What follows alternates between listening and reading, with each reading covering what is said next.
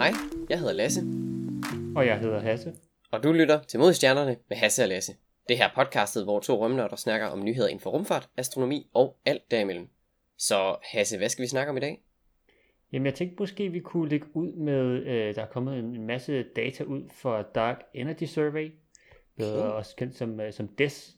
Egentlig så, så kom det sådan ud her for sådan små, hvad er det, to uger siden, men der, er- ja, der, der kom øh, 30 artikler ud øh, fra det her øh, data release. Sådan, på én gang eller? Ja, nærmest. Øh, Hold da fast. Jamen, øh, Ja. der er der blevet arbejdet en del så. Ja, der, er- der har været meget, men det så det, de så kommet med deres sådan year 3 data her. Øhm, de kom også for et par år siden med deres øh, year 1, øhm, som er sådan, den første sådan etårige sådan, samling af data, og nu er de så kommet med tre år. Og det er så et, det, det som navnet antyder, sådan Dark Energy Survey, det er et survey, hvor de så har et, øh, et teleskop, som er øh, sådan 4 meter teleskop, så det er, sådan, det er ret stort, hvor i der sidder et 570 megapixel kamera. Ja, er alligevel øh, relativt ok, var. Hvor, hvor, Ja. hvor stort et område kan de dække sådan i sådan en survey der? Øh, nu på, på år 3 her er det nået op på øh, 5.000 øh, grader øh, squared i, af himlen. Så det er sådan, Ja, kalder man det kvadratgrader eller hvad? hvad kalder man det? jo, Så, øh, øh, squared. Ja, så bare lige sådan, øh, sådan til, til sammenligning, så månen den er cirka en halv grad bred på, på tværs, så det vil sige, der kan være cirka fire fuldmåner inde i sådan en, en kvadratgrad. Ja. Så de er nu nået, ja, ja 5.000 øh, square degrees, og de, på year 1 havde de 1.500. Så det, Ja, okay. det, det går jo stødt fremad. Men, men ideen er jo så, altså, at de skal lave det her survey, sådan, generelt, hele himlen, men man tager det lidt i sådan, man tager det sådan nogle skridt, man tager sådan nogle mosaikker nærmest, hvor du tager et billede, så tager du et billede ved siden af, og så nogle gange så skal de lige overlappe lidt, for man lige sikrer sig, at de, øh, at de passer sammen, og så kører man simpelthen bare simpelthen sådan rundt, og så tager man bare af, af himlen lige så stille. Og, og ideen er så, at man så kigger på galakser og deres positioner, og hvis man selvfølgelig også lige ser supernovaer øh, en gang imellem, så tager man selvfølgelig også det med. Det er klart. Det, det kan man lige så godt gøre, når man allerede er i gang. Det, øh, Ja. Og, og ideen er så, at man skal på, på strukturer i universet, det er jo de fleste strukturer, i hvert fald vi kan se med vores øh, teleskoper, det er jo altså galakser og stjerner, så de er jo så selvfølgelig samlet de her galakser. Øhm, og så prøver man så at kigge på, ja, det her mørk energi, hvordan det er i rummet. Det her er i navnet Dark Energy Survey. ja, nu, øh, nu er det jo normalt den der parameter, man aldrig rigtig helt kan, kan reelt se, så hvordan er det lige, de, de prøver at finde det? Ja, lige præcis. Så, så det handler ikke sådan, så meget om, at man sådan kan sådan se Dark Energy, men det er, man skal, øh, man kigger, eller de, de har gjort i de her artikler. Jeg har, jeg har kun læst en af dem, jeg har ikke læst alle 30, fordi det ville være vanvittigt. Ja, det tænker jeg er fair nok. Ja, men det er en af dem, som hedder Dark Energy Survey Year 3 Results, uh, Cosmol- Cosmology from Cosmic Shear and Robustness to Data Calibration. Okay, Cosmic Shear, det tror jeg ikke, jeg har hørt om før. Nej, nej, jeg kommer lige til det. Skal jeg nok lige. Men, men ideen er jo så, at de kigger på strukturer i sådan nogle øh, rødforskydningsbinds, altså sådan nogle intervaller, så man øh, på en måde, hvis man kan sige det sådan, sådan ser tilbage i tid, jo, jo højere rødforskydning man kigger på. Ja, så jo højere rødforskydning, jo længere væk er man. Ja, lige præcis. Og dermed så, man også, så har lyset også taget længere tid om at komme til os, og så er derfor også længere tilbage i tiden, at den ser. Så det er jo så her, man så har kigget på, øh, hvordan øh, de her galakser øh, hvad man sige, sådan er samlet, fordi det er ligesom det, man kigger på, så deres position tilbage i tid, for ligesom at se, hvordan har galakserne udviklet sig i, sådan, i deres øh, positioner over tid. For at se, er det, kan man så se de her kæmpe store, store skala strukturer. Det er lidt det, man sådan gerne vil gå efter. Okay, og så ligesom sådan se, så korrelere, hvis man siger, jo længere tilbage i tiden, om der så er de samme type strukturer, og så se om, om mørk energi ligesom har drevet dem, drevet dem til at ligesom sige, være, være anderledes i deres struktur der. Lige præcis. Så det handler om at se sådan, hvad kan vi se i de her store skalastrukturer, når vi ser tilbage i tiden, og hvad kan det så fortælle os om mørk energi? Fordi vi har snakket om det et par gange, vi har mørk energi, og det er noget, vi ikke helt rigtig aner, hvad er.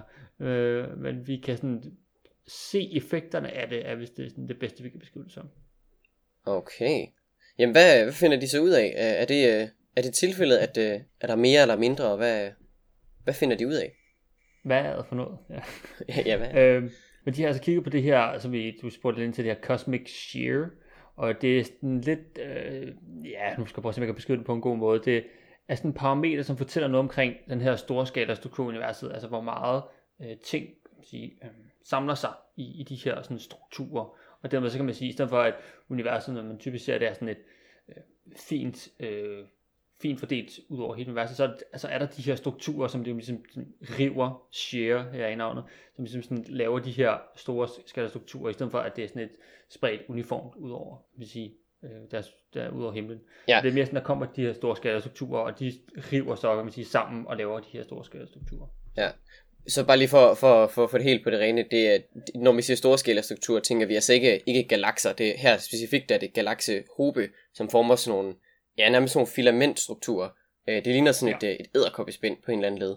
Øhm. Det er en meget god måde at beskrive på, ja. Ja, og så har man alle de her tomrum imellem dem, hvor der så ikke rigtig er galakser. Der er stadigvæk galakser, men der er bare ikke lige så mange. Det er i bund og grund bare, at øh, de fleste galakser ligger i sådan nogle klumper, og det danner sådan nogle fine tråde, som er på sådan en helt exceptionelt stor skala.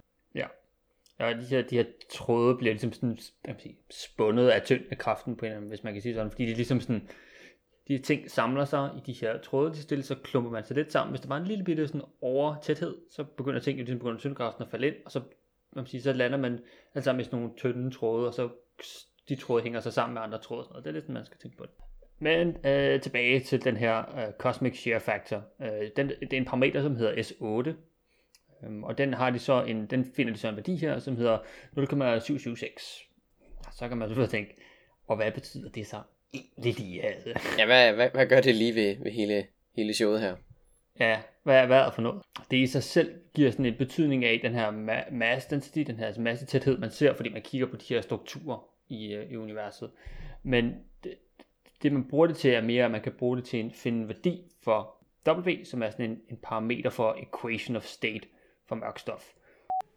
Hej, Klippe Hasse her. Hasse tidligere mente selvfølgelig mørk energi og ikke mørk stof. Det, det beklager vi. Tilbage til episoden. Og igen til folk, der ikke lige har studeret fysik og tænker equation of state, eller undskyld, øh, for mørk øh, energi. Det er noget, som fortæller os forholdet, det er, det er bare sådan en parameter, som fortæller forholdet mellem trykket og densiteten af mørk energi. Hvad vi sådan ved indtil videre, så kan den sådan have sådan tre værdier, hvis man kan sige sådan. W for, for, for mørk energi, den kan være enten være minus 1, man sige, forholdet mellem trykket og densiteten af mørk energi i vores univers, den er minus 1. Den kan være mindre end minus 1, det vil sige tættere på minus 2, eller den retning, eller den kan være større end minus 1, altså tættere på 0. Det er sådan de, sådan, de tre scenarier, vi ligesom har sådan i, i vores, i hvert fald forståelse af den kosmologi, der er i vores univers. Ja, og, og de her parametre her, øh, hvad, hvad ender det ligesom sådan ud i? Hvad, hvad betyder det, hvis W er lige med minus 1? Den første.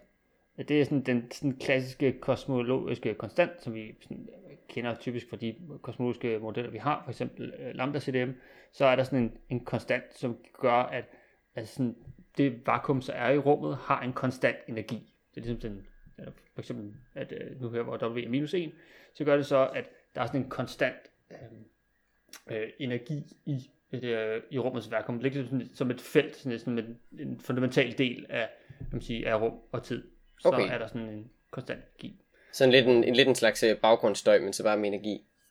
Ja, det, det er måske sådan en rigtig god måde at beskrive på. Der er sådan en fin baggrundsstøj, som ligger nede i bunden. Øh, den er ikke sådan vanvittigt stor, men den er der. Jeg vil sige, at i og med, at den øh, har været konstant, og universet ligesom har udvidet sig, så på, på et tidspunkt, så har mørk energi altså overtaget for tyngdekraften i, hvad kan man sige, den sådan dominerende sådan, kraft i universet, hvis man kan sige det sådan. Den, sådan, den største sådan, ting, som agerer på, på store skalaer. Og det er så nu mørk energi, som tog over her for, ja, hvad er det, en, en halv rød forskydning siden, hvis man kan sige det sådan. Jeg tror ikke, det er måske den bedste måde, jeg kan det på. Det er omkring, når, når rød forskydning er en halv, så der, tog sådan, der har mørk energi så nu været den dominerende øh, sige, kraft i universet siden. Ja, og hvad, det, det, det er nogle milliarder år siden. Ja. Det er ja. en seks stykker eller sådan noget, jeg kan ikke lige helt huske det. Ja, det er det. Øh, så er der så nummer to, altså den her, hvis øh, W er mindre end minus 1, altså hvis den er tættere på, på minus 2 for eksempel, det vil så resultere i, at den mørke energis tæthed, den øges over tid. Og, og, og det, det begynder at blive sådan lidt, lidt mystisk, øh, sådan rent fysisk, når man ser på det, fordi det giver ikke sådan, så, så meget energi, for så, skulle, så skal tætheden, altså densiteten her, den skal simpelthen øges over tid.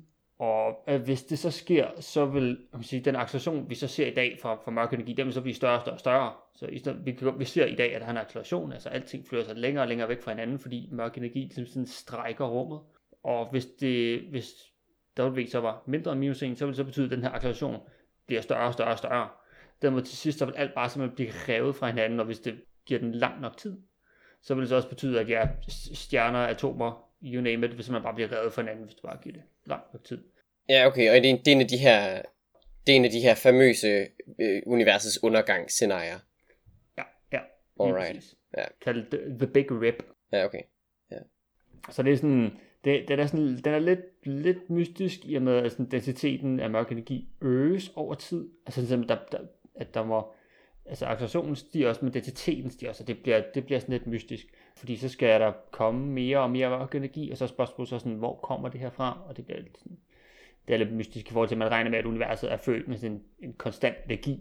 Ja. øhm, Der så bare fordelt i forskellige ting, men her virker det som om, der er sådan noget, der bliver feedet ind, som driver den her mørke energi til at, til at blive større og større og større.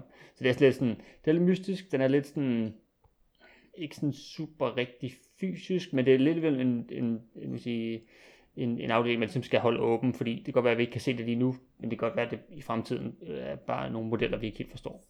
Ja, så sådan matematikken, den, øh, den ser ud til at holde, men, men altså, om det så fysisk giver mening, det kan være, at vi skal introducere noget ny eksotisk fysik for, for os at forklare det. Det, øh, det er jo set før. Bestemt. Og så er der sådan den tredje her, så hvis øh, W er større minus 1, altså tættere på 0, øh, så vil densiteten både kunne, kunne variere over rum og tid, så det, er sådan, det vil simpelthen det vil kunne ændre sig, og det vil så også blive mindre over tid, sådan lidt ligesom modsat, end hvis øh, W var mindre end minus 1, så, så vil altså accelerationen blive mindre og mindre og mindre, det vil simpelthen sådan falde over tid.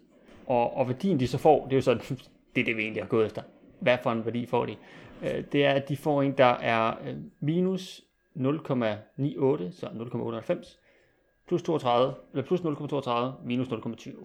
Så det er sådan rimelig konsistent med den her, at, øh, at universet har den her øh, øh equation of state for mørk energi, som er minus 1, og det er også det, man har set fra andre observationer. Ja, okay. Øh, den, den ligger omkring de her minus 1. Jeg vil sige, deres, deres usikkerheder er der sådan lidt store, er de ikke? Altså sådan 30% ja. til den ene side, og, og 20 til den anden, ja. det er da sådan lidt... Øh... Ja, den er, den er re- relativt stor, men når man så kombinerer det med, med eksterne data fra øh, Planck og øh, baryoniske oscillationer, som ja, jeg ved ikke, om vi skal dykke ned i det, det, det kan være en helt... Det er, det er andre typer ko- øh, må- målinger og kosmologi, kan man sige. Yes, det kan Ja, du ja. godt sige. Øhm, så, så kommer usikkerheden selvfølgelig ned. Der, der, er også, der er det, at de andre målinger typisk har, kan man sige, man kan sige, kommet fra den anden side af, så de får en værdi, der typisk er mindre end minus øh, 1. Så det ligger sådan lige på den anden side, så det kan for eksempel være øh, minus 0,102. Altså så den ligger sådan lige på den anden side. Ja, okay.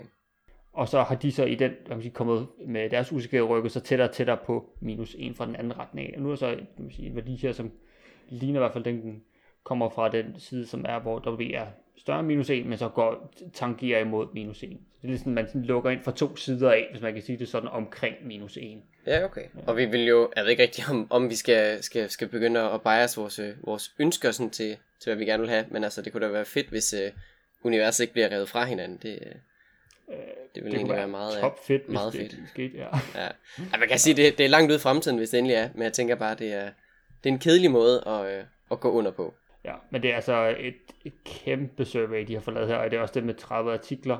Altså det, jeg så, kan lige se her, altså deres mængden af data, det er brug af over 100 millioner galaxies, de har kigget. Det er bare i det her, de der 5.000 gange 5.000 uh, degrees.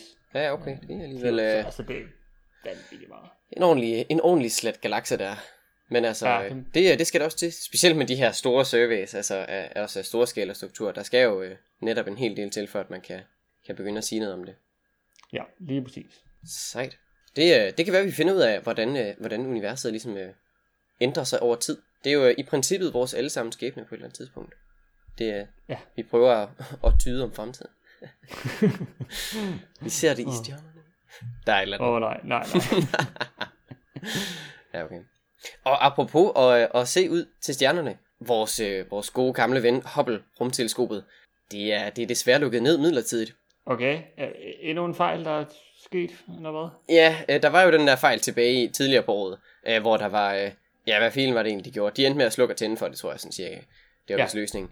Den her gang, der, der har de med vilje lukket den ned, og det er simpelthen på grund af, at øh, en af dens onboard computer, den er så ved at, øh, at, at være ret smadret. Det er sådan en computer tilbage fra 80'erne, Øh, sådan en, jeg tror faktisk en IMDb. Den er pænt gammel, og når man er ude i rummet, så, så er der sådan en masse kosmisk stråling. Og den slags har det altså med, og, og der skal til sådan en, en lille mikrochip, den består jo af silicium, øh, som oftest. Og hvis det her kosmiske stråling, det kommer og rammer de her små hvad skal man sige, atomer i de her gitterstrukturer, jamen så bliver øh, de her partikler, så de bliver skubbet væk, og så kan man så få en, en dårligere chip, øh, og det, det kan så påvirke computerens øh, hukommelse. Så, øh, så den er simpelthen blevet, blevet bombarderet i smadret nærmest. Det er, det er jo desværre det, der sker, når man øh, ja, er i, i rummet i, i, i 30 år, øh, som nu har været der, og især den er jo sådan hvad i 550 km højde. Ja, noget af den stil. Det vil sige, at den kommer altså også igennem nogle af de her, de her øh, høj, øh, højintensitetsområder. Der er blandt andet den øh, sydamerikanske anomali, den, øh, den passerer igennem. Øh, ja. Og der får den altså en del mere stråling end alle de andre steder. Så, så den bliver altså ristet en smule, og øh, skal man sige, hen over 30 år, der kan det altså påvirke ret meget. Så der er altså en af de her øh, computere med en hel masse chips, den er altså ved at være fuldstændig smadret. Så de har, skal sige, de, har, de, de, fik, de begyndte at få en masse glitches og fejl. Så de slukkede ligesom for det, for at det ikke, at det ikke skulle blive værre. Og nu er de så ved at ja, sådan nærmest øh, omdirigere, hvilken type hukommelse de så kan bruge. Der er heldigvis en del computer ombord, så kan de sådan lidt skifte rundt og så bare bruge de andre computere til ligesom sådan at, at trække læsset for, for den, der nu er gået i stykker. Så de ved at, at lave det her, den her lille, ja, det er sådan lidt et hackjob, hvor de prøver at fikse det. Og, øh, og når det så er blevet gennemtestet, så burde det, uh, Hubble altså komme op og køre igen. Men der går altså lige, uh, lige noget tid, fra de fikser det. Uh, fejlen den skete her tilbage i, uh, ja det var faktisk i sidste søndag. Så det har nu været en, en, en uges tid, hvor det ikke har spillet særlig godt. Men uh, den skal nok uh, komme op og køre igen, det plejer den jo at gøre. Det er jo ikke, det er jo ikke første første gang dernede i vejen. Men, øh... nej, nej må, måske med det kan vi, kan vi måske tage lidt øh, tilbage til et øh, tidligere segment i vores podcast, og måske burde komme lidt mere tilbage. Jeg tænker, det kunne være lidt hyggeligt. Et, et deep dive ind i Hubble Space Telescope. Det tænker jeg er en glimrende idé. Ja, så øh, det er jo den del af podcastet, hvor vi dykker ned i et emne, og med svømmefødder og ildsang på, så alle kan være med. Og, og, og ja, jeg tænker måske, vi kan sådan, ja, starte fra starten af. Ja, så lidt sådan en, øh, en kort oprisning af Hubbles tidslinje, eller hvad? Ja, det kunne måske være meget fint. Øh, fordi det egentlig sådan startet tilbage i ja, slut 40'erne har det været, hvor man tænkte, at der skulle være det her Large Space Telescope. Igen også. Så... Super deskriptivt. ja, ja. Det er stort. Ja, ja, ja. ja. Øh, og så skulle man selvfølgelig lige lave NASA, og man skulle lige til månen først og sådan noget. Det var det var fint Øhm, og så kommer man ligesom til at skulle lave de her teleskoper og faktisk lave, lave forskning, og så begynder man i 78, begynder det primære spejl at blive lavet, det er jo kan man sige, et, øh, et teleskop, så der er sådan det store primære spejl, det er sådan cirka 2,4 meter i diameter. Det bliver så sådan lidt stille sådan, simpelthen grindet ned, det er man sådan pusser det til en øh, vanvittig præcision. Som, som de jo så, ja, i, det kommer vi til senere, men der var jo sådan en fejl på øh, ja, ja. ja. Men de får så færdig, færdigbygget det op igennem 80'erne, og så i 1990, så, så flyver Discovery rumfærgen, den flyver så op og, og læser det af i, øh, i det her øh, kredsløb, den har været i lige siden, i de her ja, 550 km. Relativt høj inklination. Øh, så der, der har den altså øh, sat op der. Så da man får øh, first light, det er hvis man siger, det første lys, man, man optager gennem teleskopet, det var en, øh, en galakse, en vældig, vældig pæn galakse normalt, men der, der ser man altså, at øh, billedet er totalt ude af fokus. Det er, man kan knap nok se, at det er en galakse. Og der er vi altså ude i, at, at man simpelthen har slebet spejlet forkert. Dengang det skulle ordnes og, og laves i stand, så har man så lavet en lille bitte, bitte fejl. Når vi, når vi siger lille bitte fejl, så snakker vi altså to mikrometer, der sådan er er, hvad skal man sige, slebet forkert. Det er en, en 50. del af et menneskehår bredde i, øh, i, i fejl, vi snakker her. Så det var jo sådan lidt øh, ikke så fedt. Nej, fordi øh, altså, heldigvis så har man jo ligesom grunden til, at man havde placeret hoppet i de her 55 km, det var, det er ikke sådan super langt væk fra jorden, det er, sådan, det er muligt at komme ud, som jeg også gjorde med, med rumfærgerne. Og det, det passede jo så sådan, simpelthen så godt, at at Hubble kunne være sådan om bag i den her øh, cargo bay, som er om bag rumfærgen, så man kunne ligesom sådan åbne op, og så lå Hubble der om bagved. Så i, i 93, der får man altså første service mission til at, at sende op, fordi man øh, havde altså den, den her fejl, som øh, giver det, der hedder sværisk operation, så det, ja, det her ting ikke er i fokus, og ting ser sådan forkert ud. Det, det ligner måske lidt mere sådan Disney-stjerner, hvis man sådan tænker på en stjerne i Disney-film, så er det sådan, det er ikke bare en prik, som en astronom måske vil tænke, for dem er det sådan, sådan en prik, og så er der sådan nogle fire pinde, der er hver der er 90 grader mellem, øh, sådan skinnende ud fra. Sådan. Det er sådan lidt sådan, at man skal tænke på det. Så, så 93 kommer så op med, med rumfærgen og kommer op og får installeret nogle nye instrumenter, som så kan sørge for, at der bliver taget højde for det her svære operation, og så øh, også retter det øh, for dem, som er ombord. Jeg skulle lige, de, de uh, satte vel egentlig nærmest bare sådan en uh, glaslinse ind foran. Uh, altså sådan, det var lidt ligesom at give, give Hubble briller på. Ja. Uh, for ligesom at, at fikse det. Det var, det var ret snedigt. Ja, det, det er ikke en helt dum idé at forklare på sådan. Ja, det kan jeg godt lide. Ja, og man har så, så kunne man så begynde at reelt optage data og så videre. Uh, der var wide field, wild, wide field camera, det er svært at sige hurtigt, som, som ligesom var et af, af dens, dens hovedinstrumenter sammen med en hel masse andre. Der har både været spektrografer og øh, prismer og grismer og hele muligheden ombord. Men der har man altså sidenhen ligesom sådan opgraderet løbende. Den første servicemission, det var så der i 93. Og så har der så været, øh, været fire missioner sådan op gennem årene. Den sidste, det var i så år 2009. Der var noget med en rumfærge, som, øh, som eksploderede, hvilket jo ligesom sådan stoppede for, at man, øh, man, man fikset den sådan aktivt. Øhm, ja. Så, øh, så det, der har man så stoppet med de her, de her missioner. Så har det så været software opgraderinger og sådan noget, man har sendt op.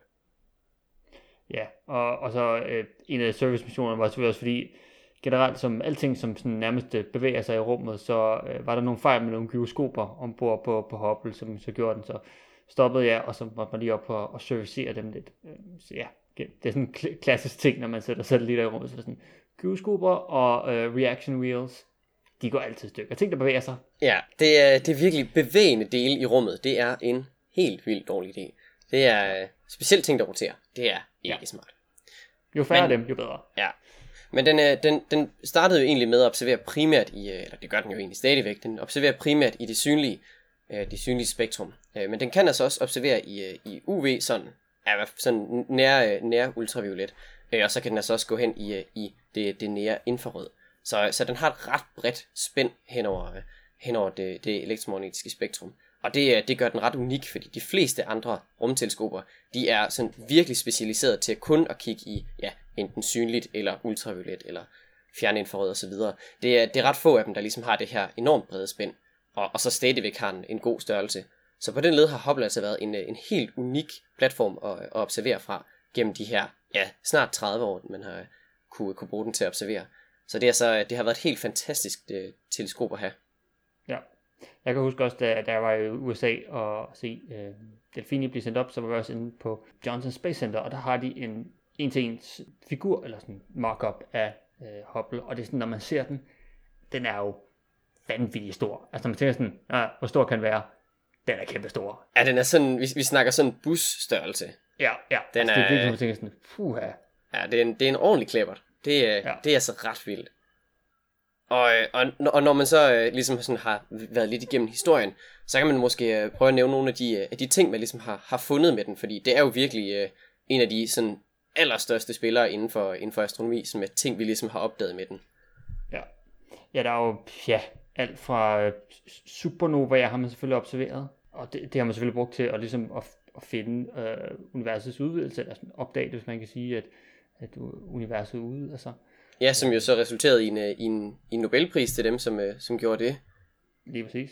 Uh, man brugte, brugte også Hubble til at, at måle på nogle Cepheus-stjerner, deres afstand, enormt høj præcision, hvilket gjorde det, gjorde det noget lettere at skal sige, præcisere, hvad Hubble-konstanten er, som er sådan et, et mål for universets udvidelse.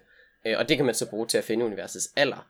Så man har så også, uh, også brugt den til at finde ud af, hvor, hvor gammelt universet er, eller i hvert fald indsnævret det tal. Ja, uh, og så er selvfølgelig, ja, det er måske nogle af de ting, som Hubble måske blandt befolkningen nok er mest kendt for, at det er de her Hubble Deep Fields og Extreme Deep Fields, som er de her billeder af sådan mørke steder på, øh, på himlen, hvor vi tænker sådan, nu peger vi bare Hubble der, derhen imod, tager nogle lange eksponeringer, og så ser vi, hvad der er, fordi det synes som om, der er ret mørkt. Og så i de her deep fields finder man ud af, der er overhovedet ikke mørkt. Altså det er fyldt med galakser.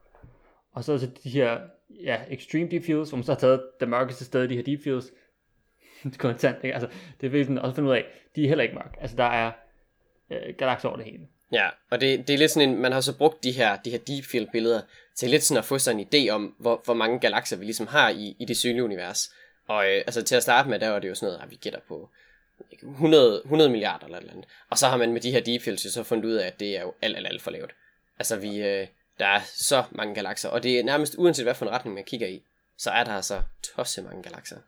Og det, det har man jo så også øh, fundet, fundet ud af til, til dels ved hjælp af, af Hubble Deep Field her. Ja. Man har også opdaget nogle, øh, nogle lyder, tror jeg man kalder dem, protoplanetariske skiver, øh, blandt andet i Orion-togen, som er de her ja, sådan stjernesystemer, der er ved at blive skabt, som så har sådan en, en, ja, sådan en, en skal af støv rundt om sig, så man ikke rigtig kan se dem. Øh, dem har man, øh, man set med, med det her store, øh, store teleskop, og sådan set, hvordan de ligesom øh, formerer sig hen over, over årene. Det er et ret interessant øh, fund, ligesom at se de her, de her planetariske skiver blive dannet. Ja, det er sådan, ja, det er jo, altså, og men, man sige, vi, har, vi har kigget i særlig lang tid, og, og på de man siger, astronomiske tidsskaler, så er det jo, ja, hvad ved jeg, millisekunder, vi måske har kigget. Øh, men altså, det er jo sådan, ja, der hvor, hvor nye planeter bliver skabt, og det er jo sådan helt mystisk at kunne sådan se det, og men ikke i sådan, jeg vil sige, uh, real time, man kan spole frem og tilbage, og man kan se planeten blive, men det er mere sådan, at man får et indblik i de her forskellige stadier. Uh, det er, ja, fuldstændig skørt. Ja, det er, det, det er et ret unikt billede ind i, uh, ind i sådan, ja, stjerner og planeters uh, dannelse og deres liv. Det er, ja. det er ret, uh, ret utroligt.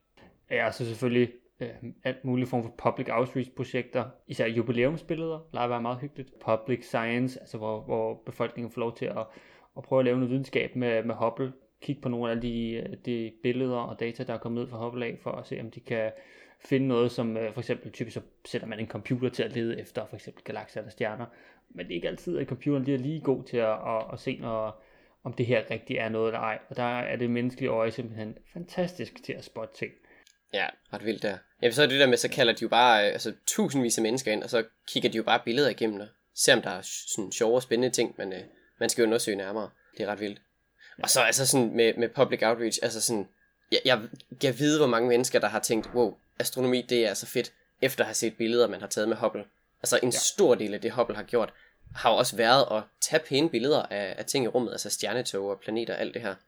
Netop sådan så, at man kan vise dem til folk og være sådan, AC, astronomi er nice. Og så er det netop, at, øh, at man, man jo lidt kan, kan få mere funding ind. Ikke at det hele skal gå op i kroner og øre, men øh, hvis vi har flere kroner og øre, så kan man jo lave mere forskning. Så der er jo også meget af, af, af det her forskning, som jo lidt også skal være, at man, det man laver ser uh, appellerende ud, og ligesom man får lyst til at, til at vide mere om det. Ja. Uh, for, folk, for folk ind i feltet. Altså jeg, jeg, jeg vil sige, jeg er selv blevet interesseret i astronomi på baggrund af nogle af de billeder, jeg har set. Så altså, uh, det kan jo drive folk den her sådan der inspirerende del af, af videnskaben, det er også det, man skal huske. Og måske også en lille sjov ting, sådan noget public outreach projekter. Øh, man kan, vi kan måske lægge et link i, i noterne, så kan man gå ind og tage sin fødselsdag ind, og så kan man se, hvorfor et billede uh, Hubble har taget på ens fødselsdag.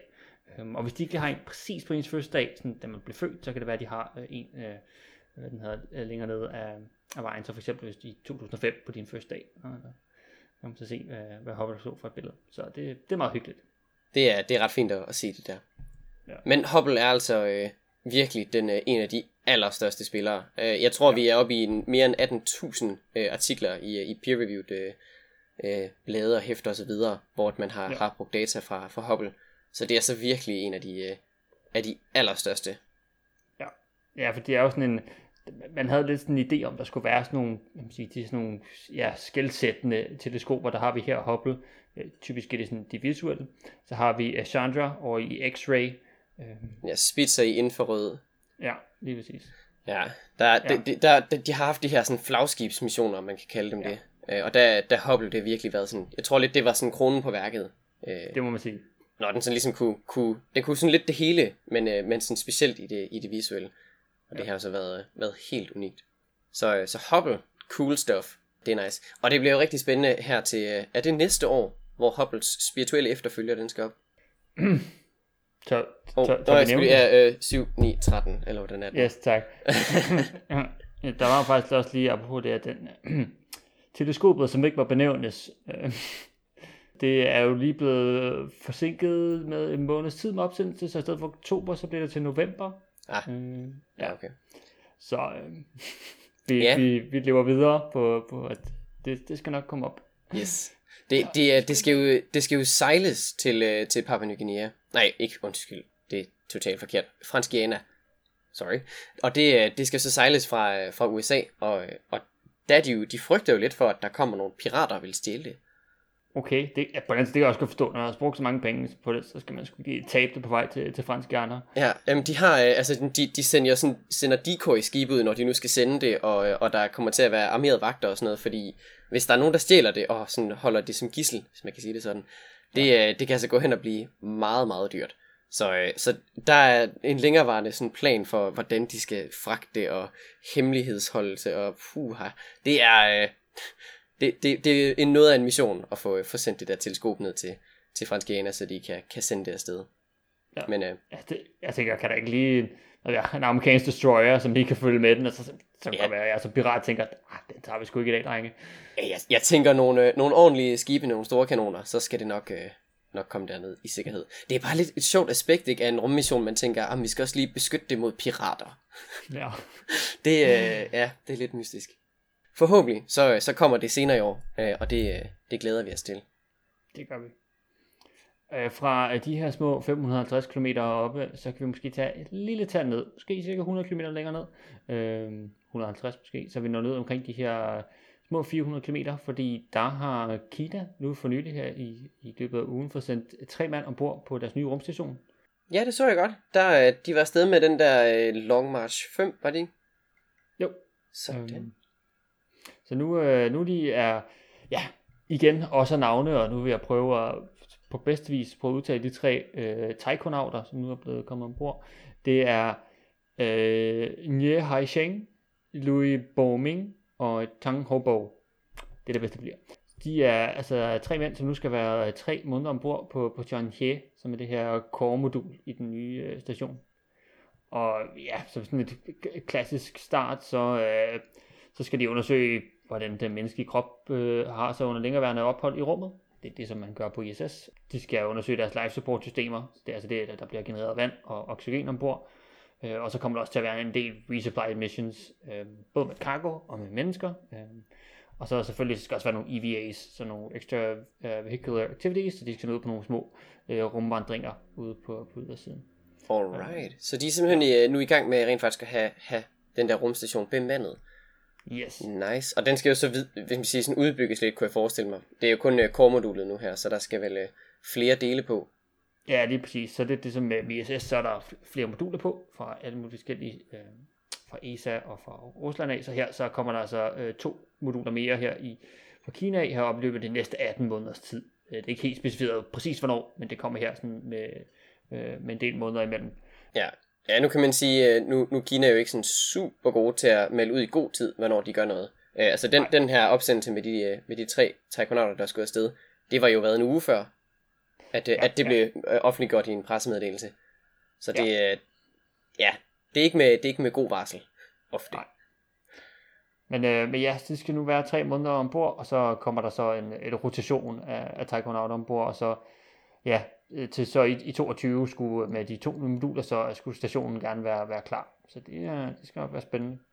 Jeg så der også til gengæld, som vi har snakket lidt om før angående de her long march opsendelser, øh, og det at de måske ikke har den sådan, største entusiasme for at sørge for, at de, øh, de resterende sådan, stages, de her øh, stadier af raketten, de kommer ned på sikker vis, og ikke de rammer nogen i hovedet. Øh, og jeg så et, øh, et billede, at øh, et af, et af modulerne er faldet ned. Heldigvis ikke ramt en by den her gang, men en vej mellem to byer. Øh, og så det var sådan et kæmpestort modul. Altså det var ikke sådan, det var ikke sådan brændt op på nogen måde. Ja, okay. Det, det er ikke fordi, de er, de er så heldige med, hvor de, de lige lander de der stykker der. Det, ja. det kan være, at de lige skal, skal arbejde lidt på det. Men øh, ja. det er stadigvæk vildt nok, at de har fået sendt den her, øh, den her nye rumstation afsted, og, og nu også har den bemandet. Det er jo, ja. øh, det er jo ret vildt. Ja. Jeg tænker, at vi måske godt lige kan lægge et lille billede i noterne, så der var kommet et billede ud op fra organisationen af med øh, de tre taikonauter ombord. Så, så de er nu kommet ombord. Det er ret tegn. Så. Nice. Det, øh, det kan vi lige gøre. Apropos nye, nye astronauter osv., så, øh, så læste jeg lige meget kort, at øh, Indien har, har planer om at lave deres eget opsendelsesfartøj.